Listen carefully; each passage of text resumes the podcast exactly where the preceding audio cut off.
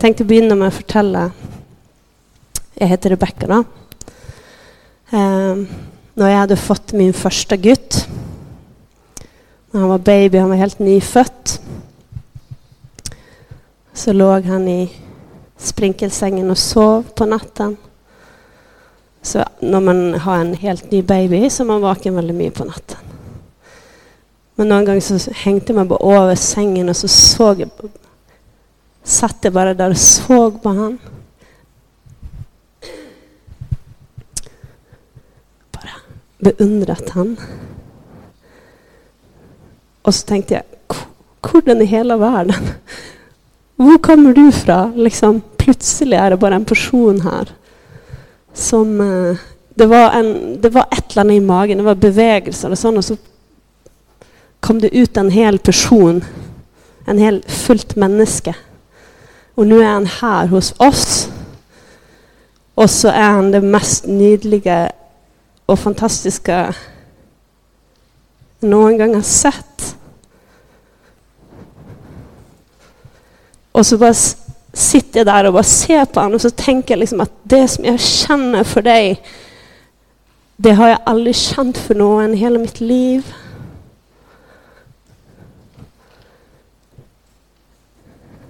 Kan göra vad som helst för dig. Jag kan, göra, jag kan ingenting Spelar någon som helst roll. så länge du har det bra. Och så känner jag liksom Guds närvaro i rummet. Och så ser jag på något för mitt inre. Att pappa Gud bara på andra sidan sprinkelsängen bara hänger sig sån över. Så bara Rebecka. Jag pleier också se på dig akkurat sån Hver dag. Så bara går det rätt in. Hvorfor är det sånn? Fordi att Gud är en far. Han er kjærlighet. Her er det första punkt på det vi ska snakke om.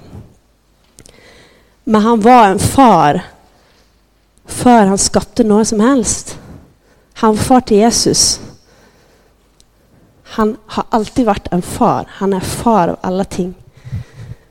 Um, och i Gud så är det Far, Son, Helgon. Och det är dyp Det är dyp kärlek. intimitet, närhet.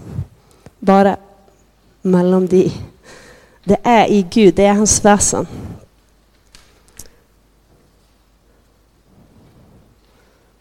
Sant? Eh, och Jesus beskriver så mye av treenigheten i Johannes eh,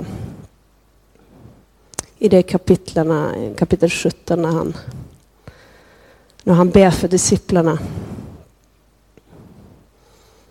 Så, så, är det så många sättningar där som bara förklarar den här intimiteten som är i Gud. Um, någon av de verserna här. Far, timmen är kommen. Helliggjør din son så sonen kan helliggjøre dig. Det är den här, äh, jag ska ära dig, du ära mig. De ger varandra kärlek och ära.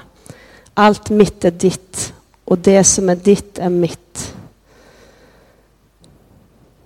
Och så säger han så många gånger om igen, och vi är ett, och de ska vara ett.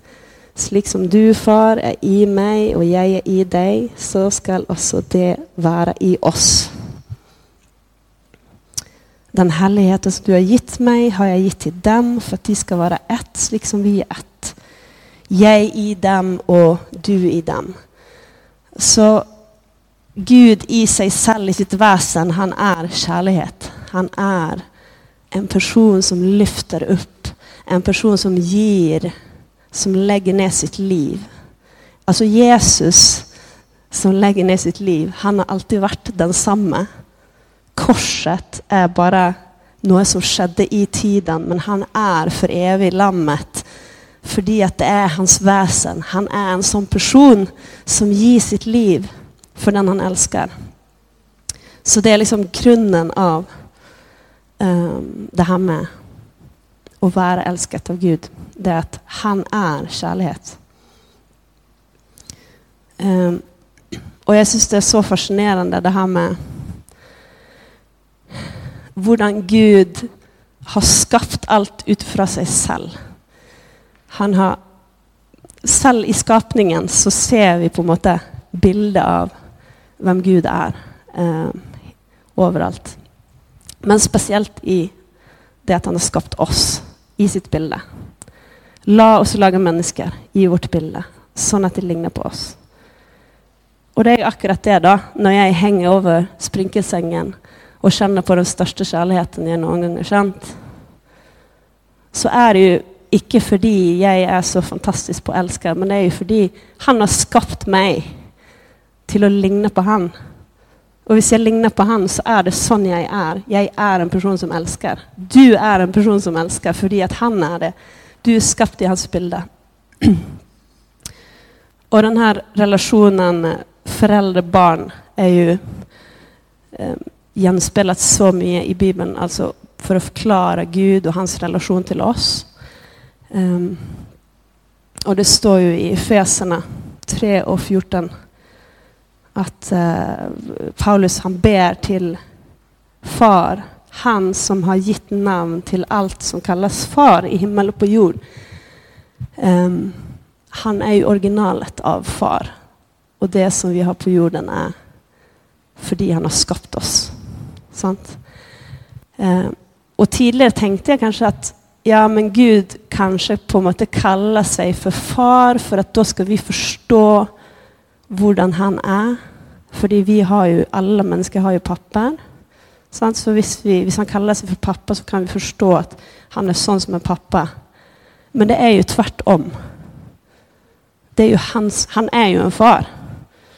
Det att vi har föräldrar, det att vi får barn, att vi blir mödrar och fädrar, det är ju inte fordi Det är inte tvärtom, hvis du känner.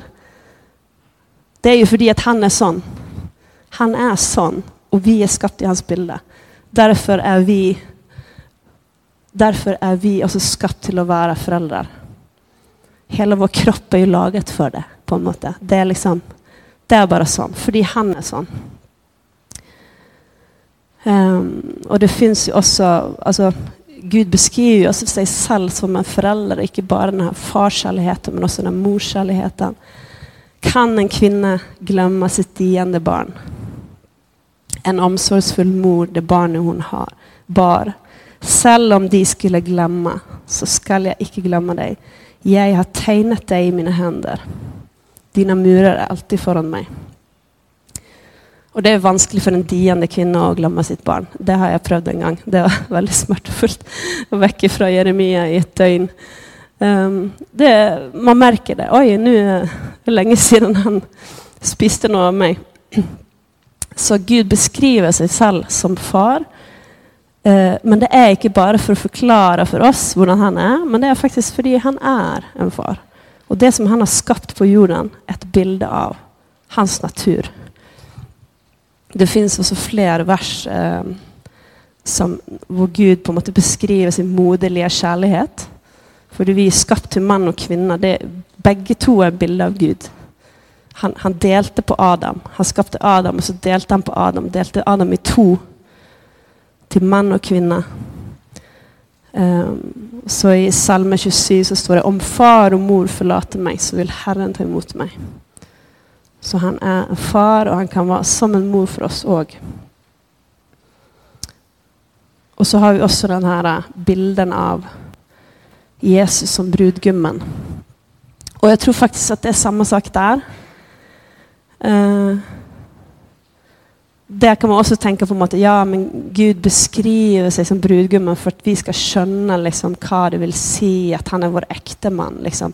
Vad är en äkta man? Det är någon som försörjer, det är någon som försvarar, det är någon som leder familjen. Det är en som beskyttar, Det är en som är ett värn.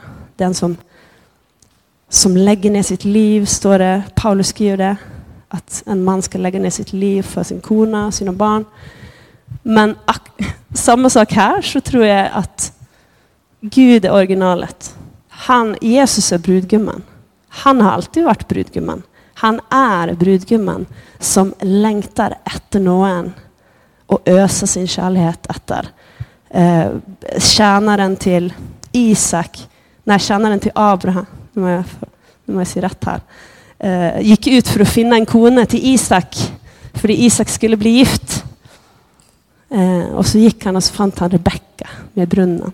Så att det, Jesus är brudgummen. Han är brudgummen och hans, hans passion till oss är som en förälskad äkteman som, som bara önskar att lägga ner sitt liv. Han är på jakt efter vårt hjärta. Han vinner oss med kärlek, han försörjer oss, han beskyddar oss. Han har det juridiska ansvaret för oss. Och äktenskap är en bild av fullkommen övergivelse, passion, vilja att lägga ner sitt liv och lyfta den andra upp högre än sig själv. På samma måte som Jesus, far och helgon alltid lyfter varandra upp och ger ära till varandra. Um, och det står ju då i, först, i Efeserna då, dere män älskar era hustru så som Kristus har älskat menigheten, offrat sig för den. Så Kristus och menigheten, det är det, är det som är original äktenskapet. Och så får vi lov till att avbilda det här på jorden. Eh, och så i det så kan, på samma måte som jag förstod av Guds kärlek av att se på Jeremia, så har jag också upplevt något av Guds kärlek när jag blev samman med Jörgen, när vi blev förlovat. Så var det en ny dimension av Jesus som jag skönte. För det är en mekanism där. Det är ett bild av Jesus. Um, och Gud beskriver sig själv som brudgummen i Gamla Testamentet på flera platser. Han, han ser om Israel, alltså Guds folk, att du är den jag har kär och landet ditt är den jag har tagit till äkta.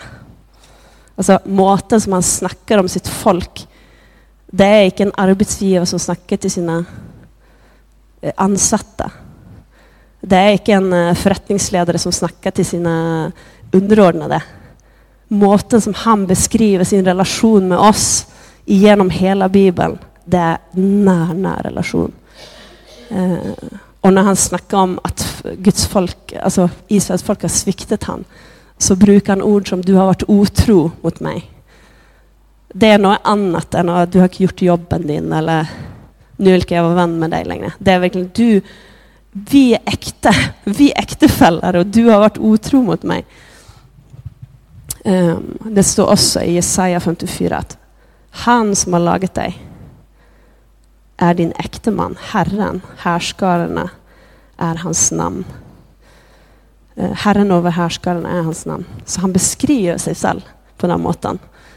Ehm, så eh, ja, jag hade lust egentligen spara någon som är gift. Kanske någon som är... Ser någon som det där? Eh, någon som varit gift länge. Eller så. Sölvi, hon, hon sitter här. Du är nattgift dig nästan. Klarar du att formulera vad du känner för Christian? Om jag ger dig mikrofonen.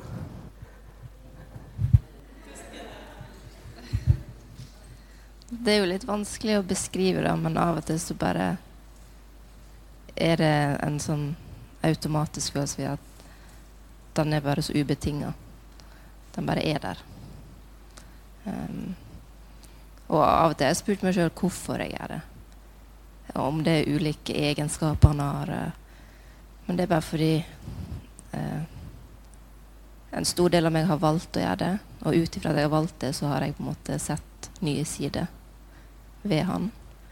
Ehm, um, og han har mange egenskaper. Morsom, snill, omsorgsfull. Men det er bare fordi at jeg ser noe dypere i han. da. Og jeg føler på en måte at Jesus har vist meg det. Og jeg har lært mye om Jesu kjærlighet ved at jeg har valgt han. Og at jeg på en måte opplevde at ja, når Jesus har valgt meg, så kan jeg òg velge en äkta Wow.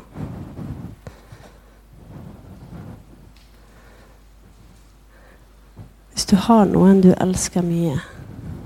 Et barn eller en ektefelle eller en nær venn. Så prøver du å tenke at det er bare en sånn minimal bråkdel av hvor mye Gud elsker deg. Da kommer du litt längre i åpenbaringen om Guds kjærlighet for deg. Så Jesus er brudgummen. Han er brudgummen. Och han älskar dig som en brudgum älskar sin kona eller sin brud. Men han är en felfri brudgum. Han är en syndfri. Hans kärlek är radikal. Den går alla längder. Den, skulle, den sviktar aldrig. Den gör inte något fel. Han, han är en sann och äkta och trofast brudgum.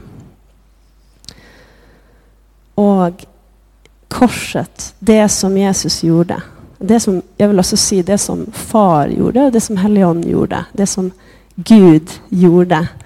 Det är ju det största beviset på hans kärlek. Det är hans kärlek manifesterat. um, Jesus definierar ju själv kärlek med att säga att det är ingen som har större kärlek än att han sätter sitt liv till för sina vänner. Men jag har blivit lite beväget av far i korset pappa Gud som Om Hvis noen skulle spørre meg sånn ja, Hva har du lyst til? Eh, bli torturert og drept? Eller at vi, du skal stå og se på når din gutt skal bli torturert og drept? Hva har du lyst til mest? Så hadde jeg definitivt valgt å bli torturert og drept selv. Um, ehm, så jeg tror, vi, jeg tror vi glemmer litt Faderen i korset. Og jeg tror at det på en måte noe han vil òg. Nei, ikke tenk på meg, da. La min sønn Bare se på han, se på han. Se på han. Så det är ju föräldrar. Du går på fotballkamp ja, se, på, se på min gud, se på min Gud, se vad han gör. Det är inte jag. det är ju han som ska få äran. Och så står pappa Gud där och så är, sker det värsta han någon gång har upplevt i hela, hela sitt liv. det värsta som Gud far har upplevt. Um, att hans son blir dräpt. Att han blir avskilt. Han blir faktiskt gjort till synd och skilt från han. Och så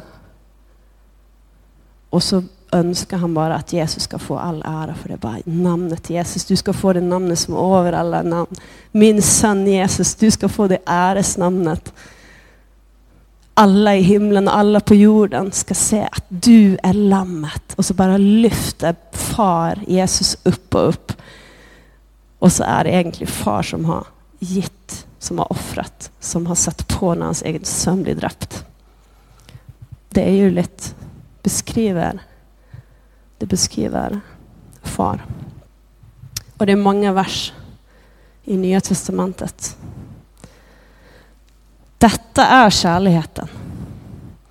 Icke att vi har älskat Gud, men han har älskat oss. Och här står ju det. Han har sänt sin son till soning för våra synder. Så det står inte Jesus Det är ju också sant, men det står faktiskt om far eller Gud. Han har sendt sin sønn. Så høyt har Gud elsket verden at han ga sin sønn. Johannes 3, 16, også Efesene. Men Gud, rik på miskunn, har på grunn av sin store kjærlighet, som han har elsket oss med, gjort oss levende med Kristus. Vi som var døde gjennom våre overtredelser. Ved dette, 1. Johannes, blir Guds kärlek uppenbart bland oss Att Gud har sänt, att Gud, far, har sänt sin erborne son till världen. För att vi ska leva vid han. Detta är kärleken. Icke att vi älskar Gud. Ja, där står det faktiskt uh, två gånger. Men det är bra. Och så i romerna så står det Gud visar sin kärlek till oss Vet att Kristus döde för oss medan vi ännu var syndare. Så det är, korset är ju Guds kärlek manifesterat. Och det blir, det blir ännu häftigare alltså, om vi går lite mer in i det. Det blir nästan stötande och provocerande. För att, eh, ja.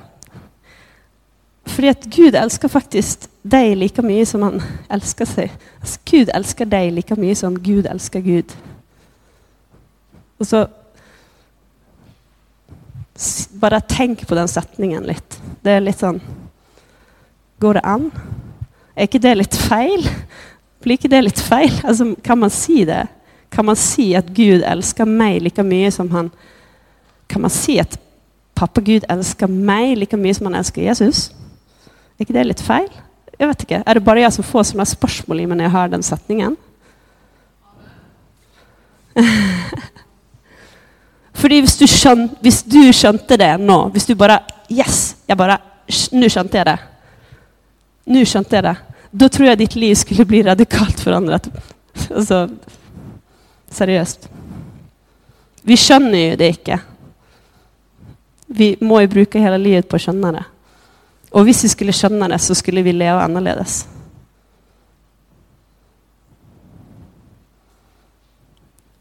Hvis vi skulle skjønne den tingen der, Då skulle du inte slita med frykt. Eller angst. Eller dålig självtillit eller whatever. Sant? Men det är ju det, det är därför vi, vi tränger att läsa Bibeln. Vi tränger att fylla oss med Guds närvaro. För vi tränger att få det här in. Och inte bara en gång, men en gång till och en gång till och en gång till. För Jesus säger själv, som far har älskat, så som far så som min Gud, min pappa, har älskat mig, Jesus, så mycket har jag, Jesus, älskat er. Bli min kärlek. Så lyger Jesus. Det är det han säger. Han säger, han ser sån här, det som står här är Gud har älskat Gud, så därför älskar Gud dig lika mycket som Gud älskar Gud. Det är det han säger. Och han säger vidare, du pappa älskar dem slik, på samma måte, helt likt. Du pappa Gud, du älskar Steinar, eh, Elisabeth, alla som sitter här lika mycket som du har älskat mig. Det säger Jesus. Det står i Bibeln. Har du läst?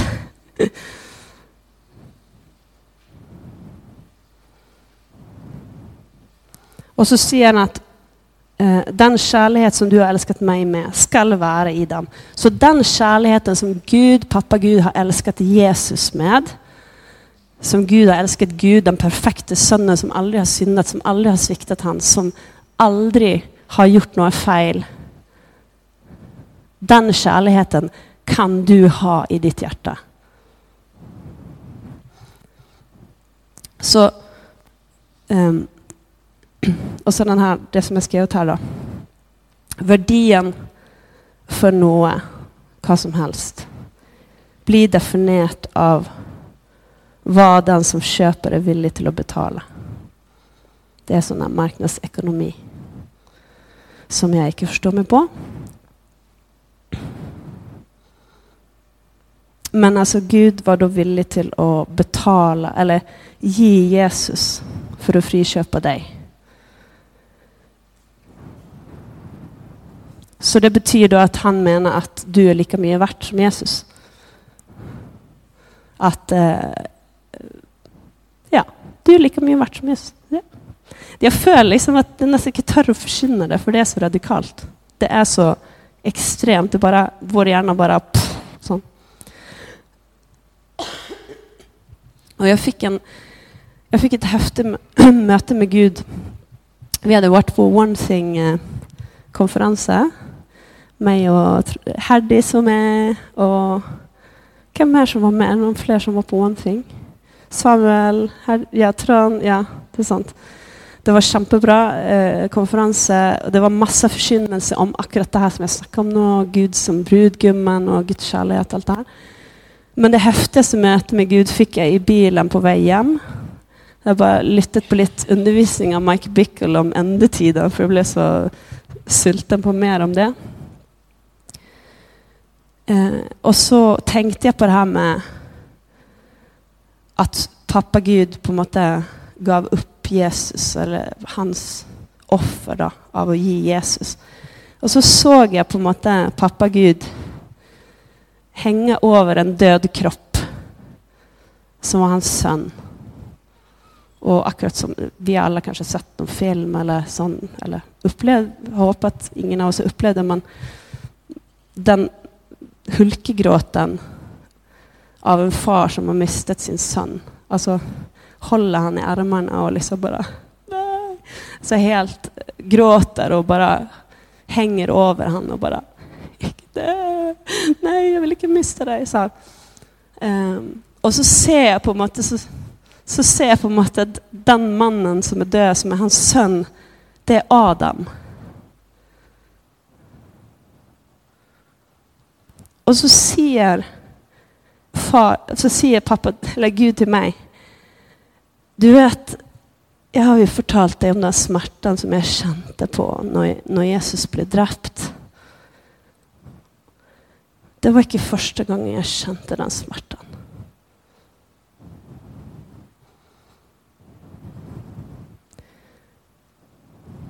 Och då började jag ju hulkegråta och bara bli helt från mig.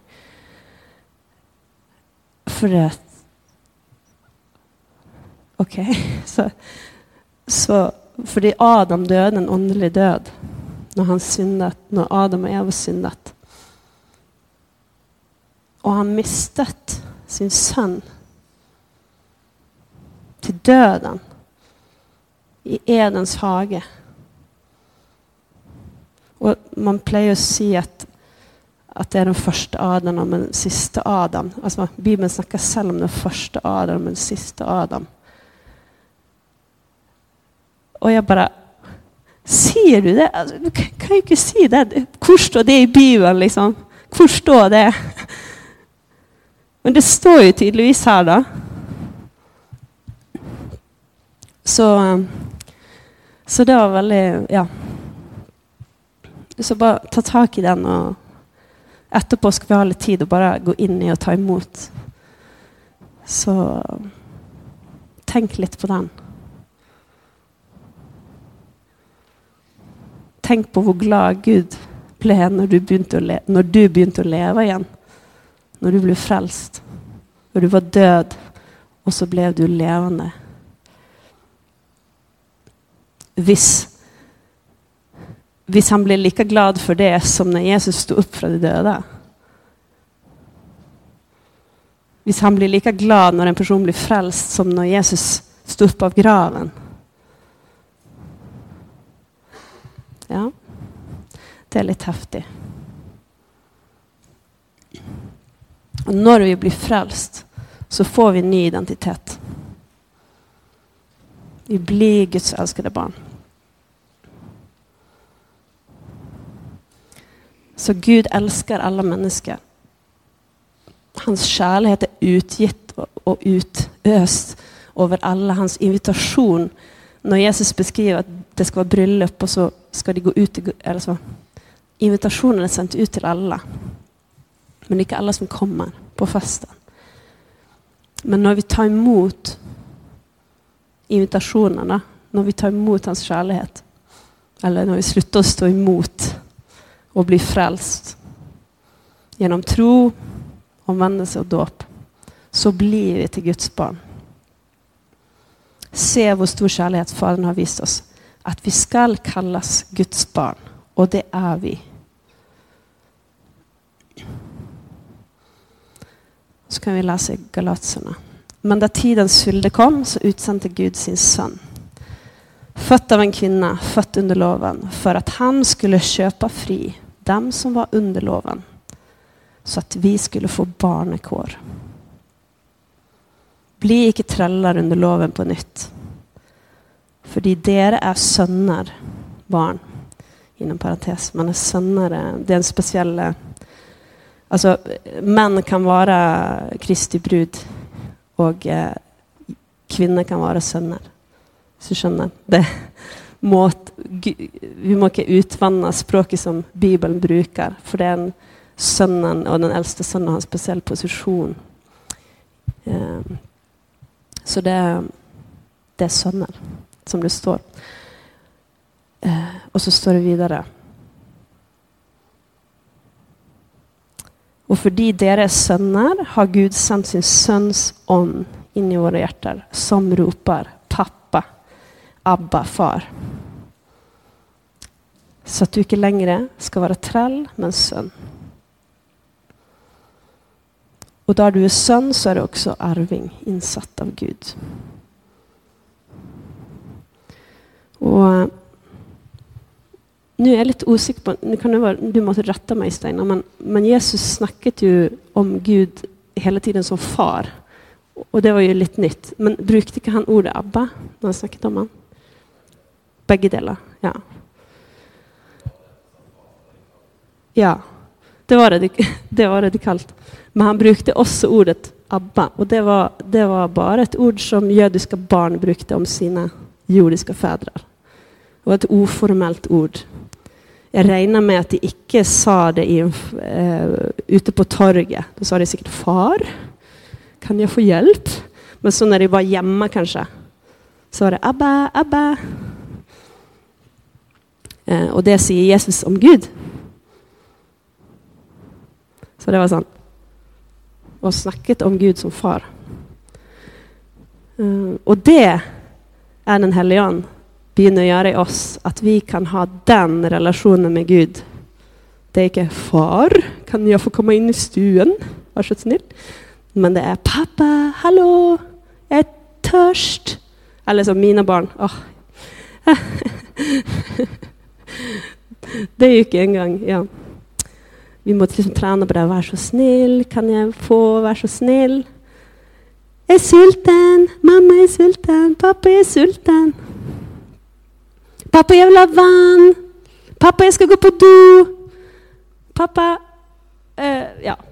Det er den relasjonen vi skal ha med Gud.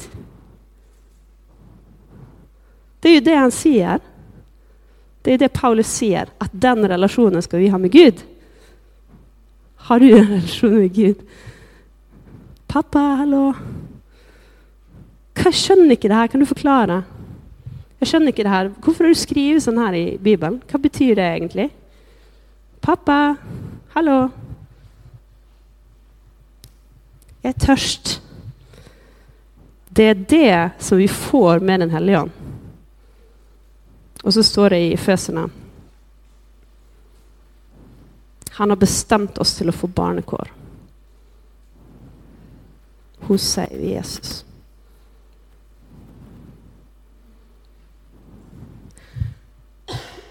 Så vill jag säga något om frykt, eller mest förkastelse, för att förkastelse, det är ett, sådana, kanske ett kristet ord. Jag vet inte om mina kollegor skulle veta vad det betyder egentligen.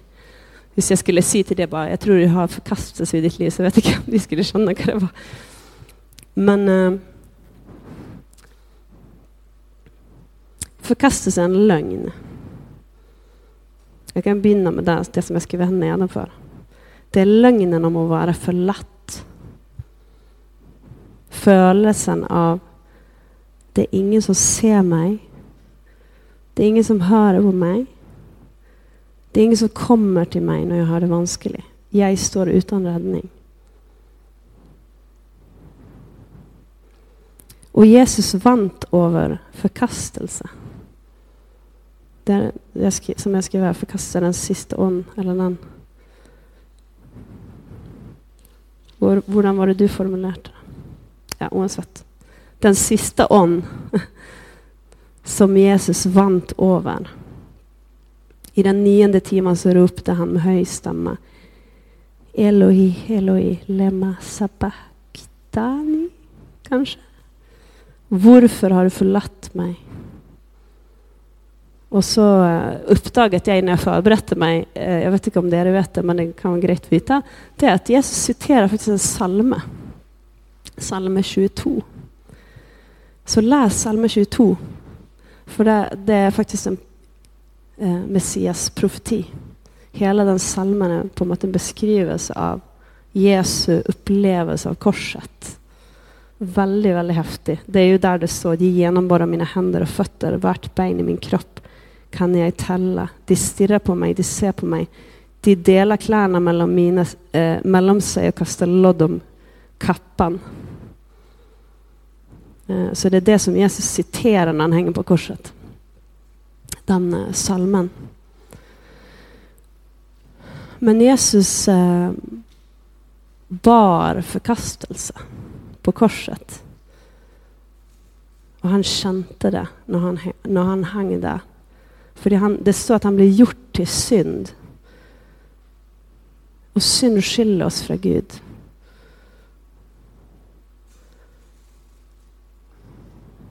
Så jag tror att han Jeg vet ikke. Siden han er sann og aldri lyver. Altså, han lyver aldri, han synder aldri. Så når han sier 'Hvorfor har du forlatt meg?' Eh, så tänker jag att då, är, då var det faktiskt en reell Det som skedde var att han Kontakten med far blev brutt. För om han hade sagt ”varför har du förlatt mig?' och så var det inte sant, som det är ofta för oss när vi säger till Gud varför har du förlatt mig? så är ju det en lögn. Det kommer vi till här. Sant? Då vi egentligen talar ut en lögn som vi tror på. Och jag tror inte att Jesus syndade det sista han gjorde för han blev dräpt. Så, så hans upplevelse av vad forkastelse var helt reell. Det var helt verkligt. Han var avskild från far i det ögonblicket, för han bar synden. Och det sista som han bar, var förkastelse. Så han har vunnit över det.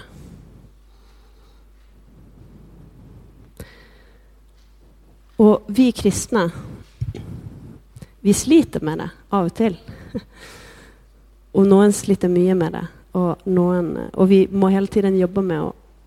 För det handlar om att inte tro på det som jag försvinner nu, på en måte. Och inte tro på det som står at så som du har älskat mig har jag älskat. Når vi ikke tror på det,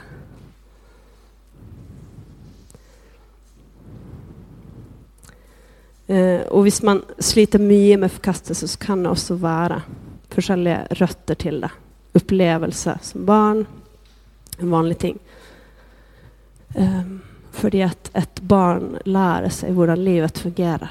Det, det, er barn är designat till att lära sig relationer, tillit. Kan jag stole på någon? Kan jag inte stole på någon? Får jag det jag tränger? Blir jag mött? sant? Så ofta när vi sliter med lögner om förkastelse så kommer det från barndomen. Eh, det kan också vara ting man har på något måte tatt videre fra sine foreldre. Hvis har burit på mycket förkastelse, att de inte har älskat sig själva, så tar man det vidare i sitt eget liv. Men Guds kärlek. Guds kärlek och en erfaring av hans kärlek det kan sätta oss fri. Det kan sätta oss fri från den här følelsen av att vara flatt. Eh, och jag tror att det sker. Det kanske är en gång, det kanske är flera gånger. Jag hade en sån upplevelse där Gud visade mig en smärta som jag hade i mitt liv. Så såg jeg på en måte bare en Den smerten kom. Og så så jeg på en måte en bare stor dal som var helt en sånn flat dal som var helt mørk. Og så sto jeg bare der helt alene. Og så måtte jeg bare si til han hva jeg følte på. Så jeg føler at det er ingen som er her. Det er ingen som er her. Det er ingen som ser meg. Det er ingen som lytter på meg. Det er ingen som kommer når jeg roper. Eh, og det var på en måte noe som Helion bare tok opp. Det var ikke sånn at jeg gikk rundt og skjønte så hele tiden. Men han kan trycka på punkter i våra liv. Fordi vi, döj, vi, døyver det med ting. Sant? Vi fyller det hullet av förkastelse med olika ting. Och jag fyllde det med något. Och så när han tog bort det som jag fyllde det med, så kom det såret upp. Sånn, här är det. Varsågod. så visade han mig det, Och så lät han mig se det. Och så kom han där i den dalen. Så kom han där. Så, det, Det går fint, Rebecka. Jag är här. Jag är ju här. Jag ser deg. tränger inte att någon annan ser dig. När jag ser dig.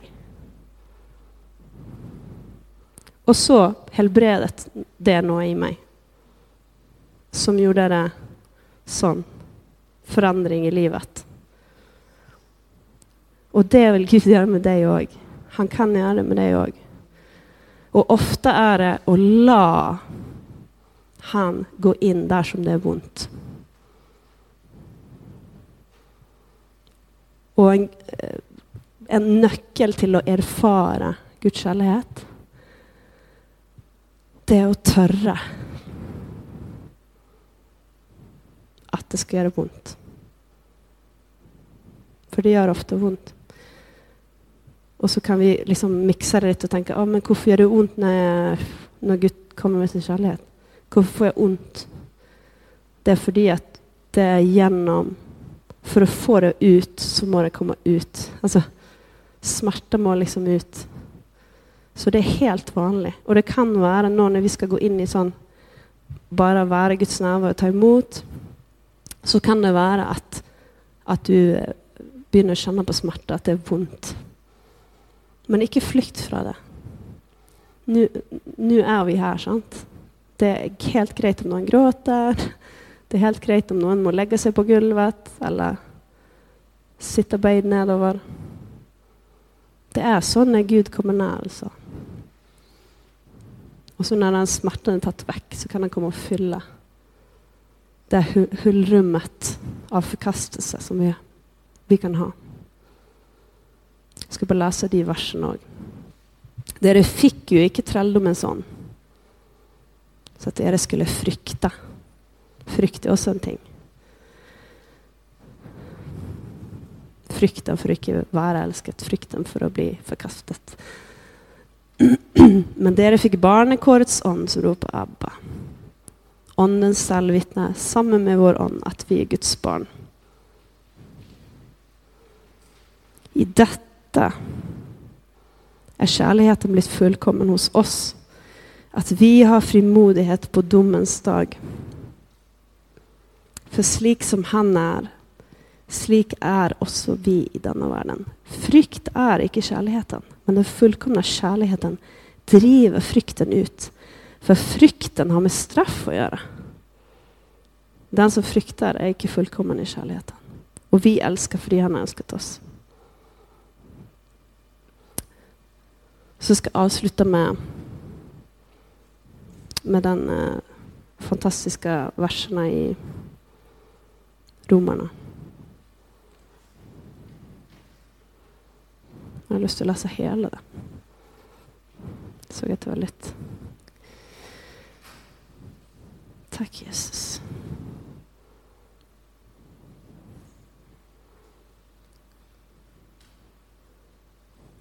Så.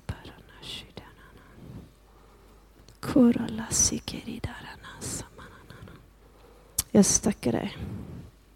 Jag tackar dig för att du ska beröra hjärtat ikväll. Du ska gå djupt.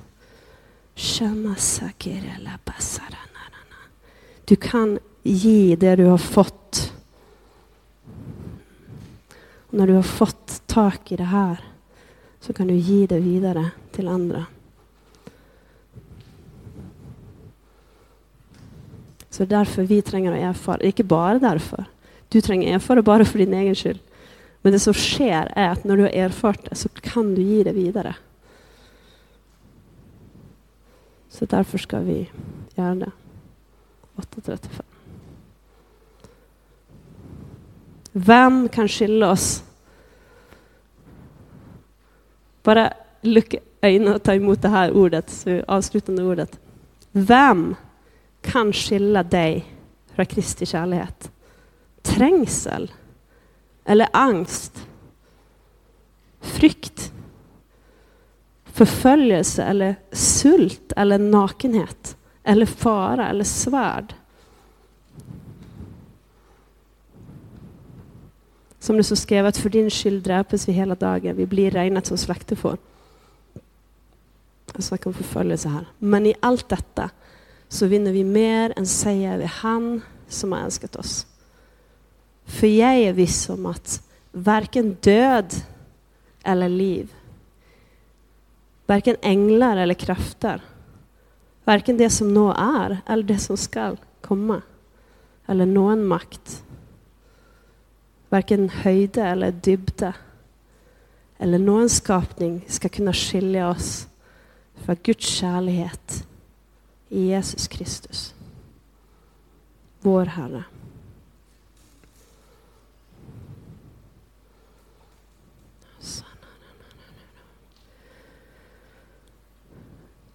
Du tar upp den eh, sangen.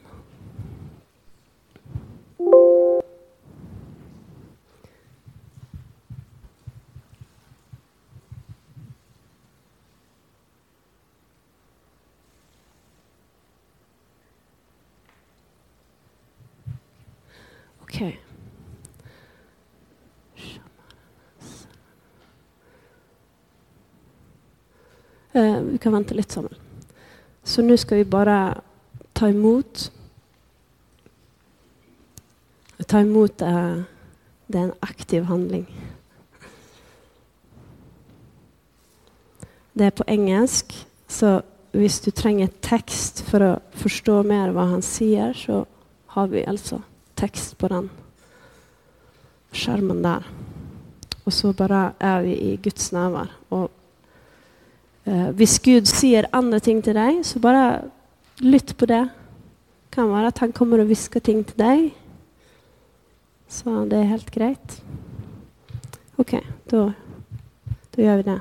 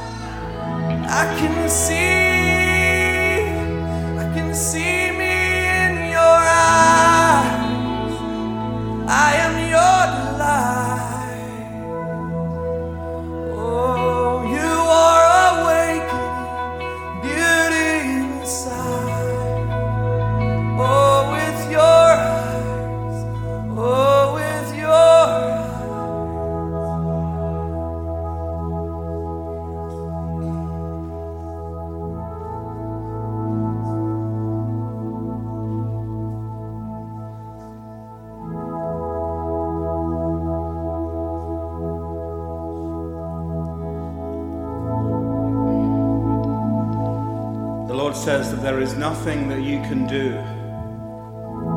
that would make him love you more. There is also nothing you can do that would make him love you less.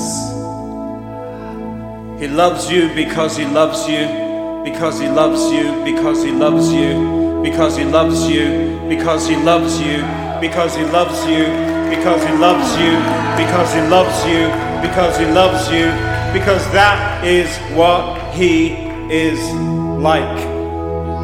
It is his nature to love. And you will always be the beloved. And his love is unchanging. And he loves you a hundred percent. He won't love you any better when you become better. He loves you a hundred percent right now. And even if you have no plans to become better, He will still love you 100%. Because He loves you, because that's the way that He is. And even if you don't want to change, He will love you 100%. Even if you have no plans to walk with Him, He will love you 100%. Because that's His nature. He loves all the way, all the time. His love is unchanging. What will change, says the Lord, is your ability to receive my love. And this evening, I want to cram some more of that ability inside you. So I challenge you, says the Lord, open your heart to me. Open your heart to me. And you will receive more of my love than you've ever experienced before. I dare you, says the Lord. Come on, open your heart to me. Give me your heart. Give me whatever your obstacle is. I'll take it. I'll remove it out of the way. Because I love you as you are right now. I love you 100% as you are right this moment. I love you as you are. So be loved. You are the beloved. It is your job, says the Lord, to be loved outrageously. It is why I chose you. That is why I set my love upon you. That you would live as one who is outrageously loved that you would receive a radical love. So radical, it'll blow all your paradigms of what you think love is. And no, says the Lord, I will love you outrageously all the days of your life. Because I don't know how to be any different. This is who I am. And this is who I will always be. This is the I am that I promised you. I am he that loves you outrageously. And you may love me back with the love that I give you. You may love me back outrageously with the outrageous love that I bestow upon you. And know this, says the Lord, you can only love me as much as you love yourself. So, my love comes this evening to set you free from yourself, to set you free from how you see yourself, to set you free from the smallness of your own thinking about yourself. My love comes to set you free from rejection and from shame and from low self esteem and from despair and from abuse. Because when I look at you, says the Lord, I see something that I love. I see someone that I can love outrageously. And I have so much to bestow upon you, so much to give you, so many places to take you in my heart. But you can't go there unless you allow me to love you. And my love for you will break every barrier bring every wall crashing down. And know this, says the Lord, my love damages fear. My love hates fear. My love will fight fear. It will fight fear in you. It will fight fear around you. And if you have fear this evening, says the Lord, then know that you have a treat in store. Because my perfect love casts out fear. There is no fear where I am present because my love casts out fear. Beloved, you are my beloved. You are my beloved. And in my love, I want you to feel good about yourself.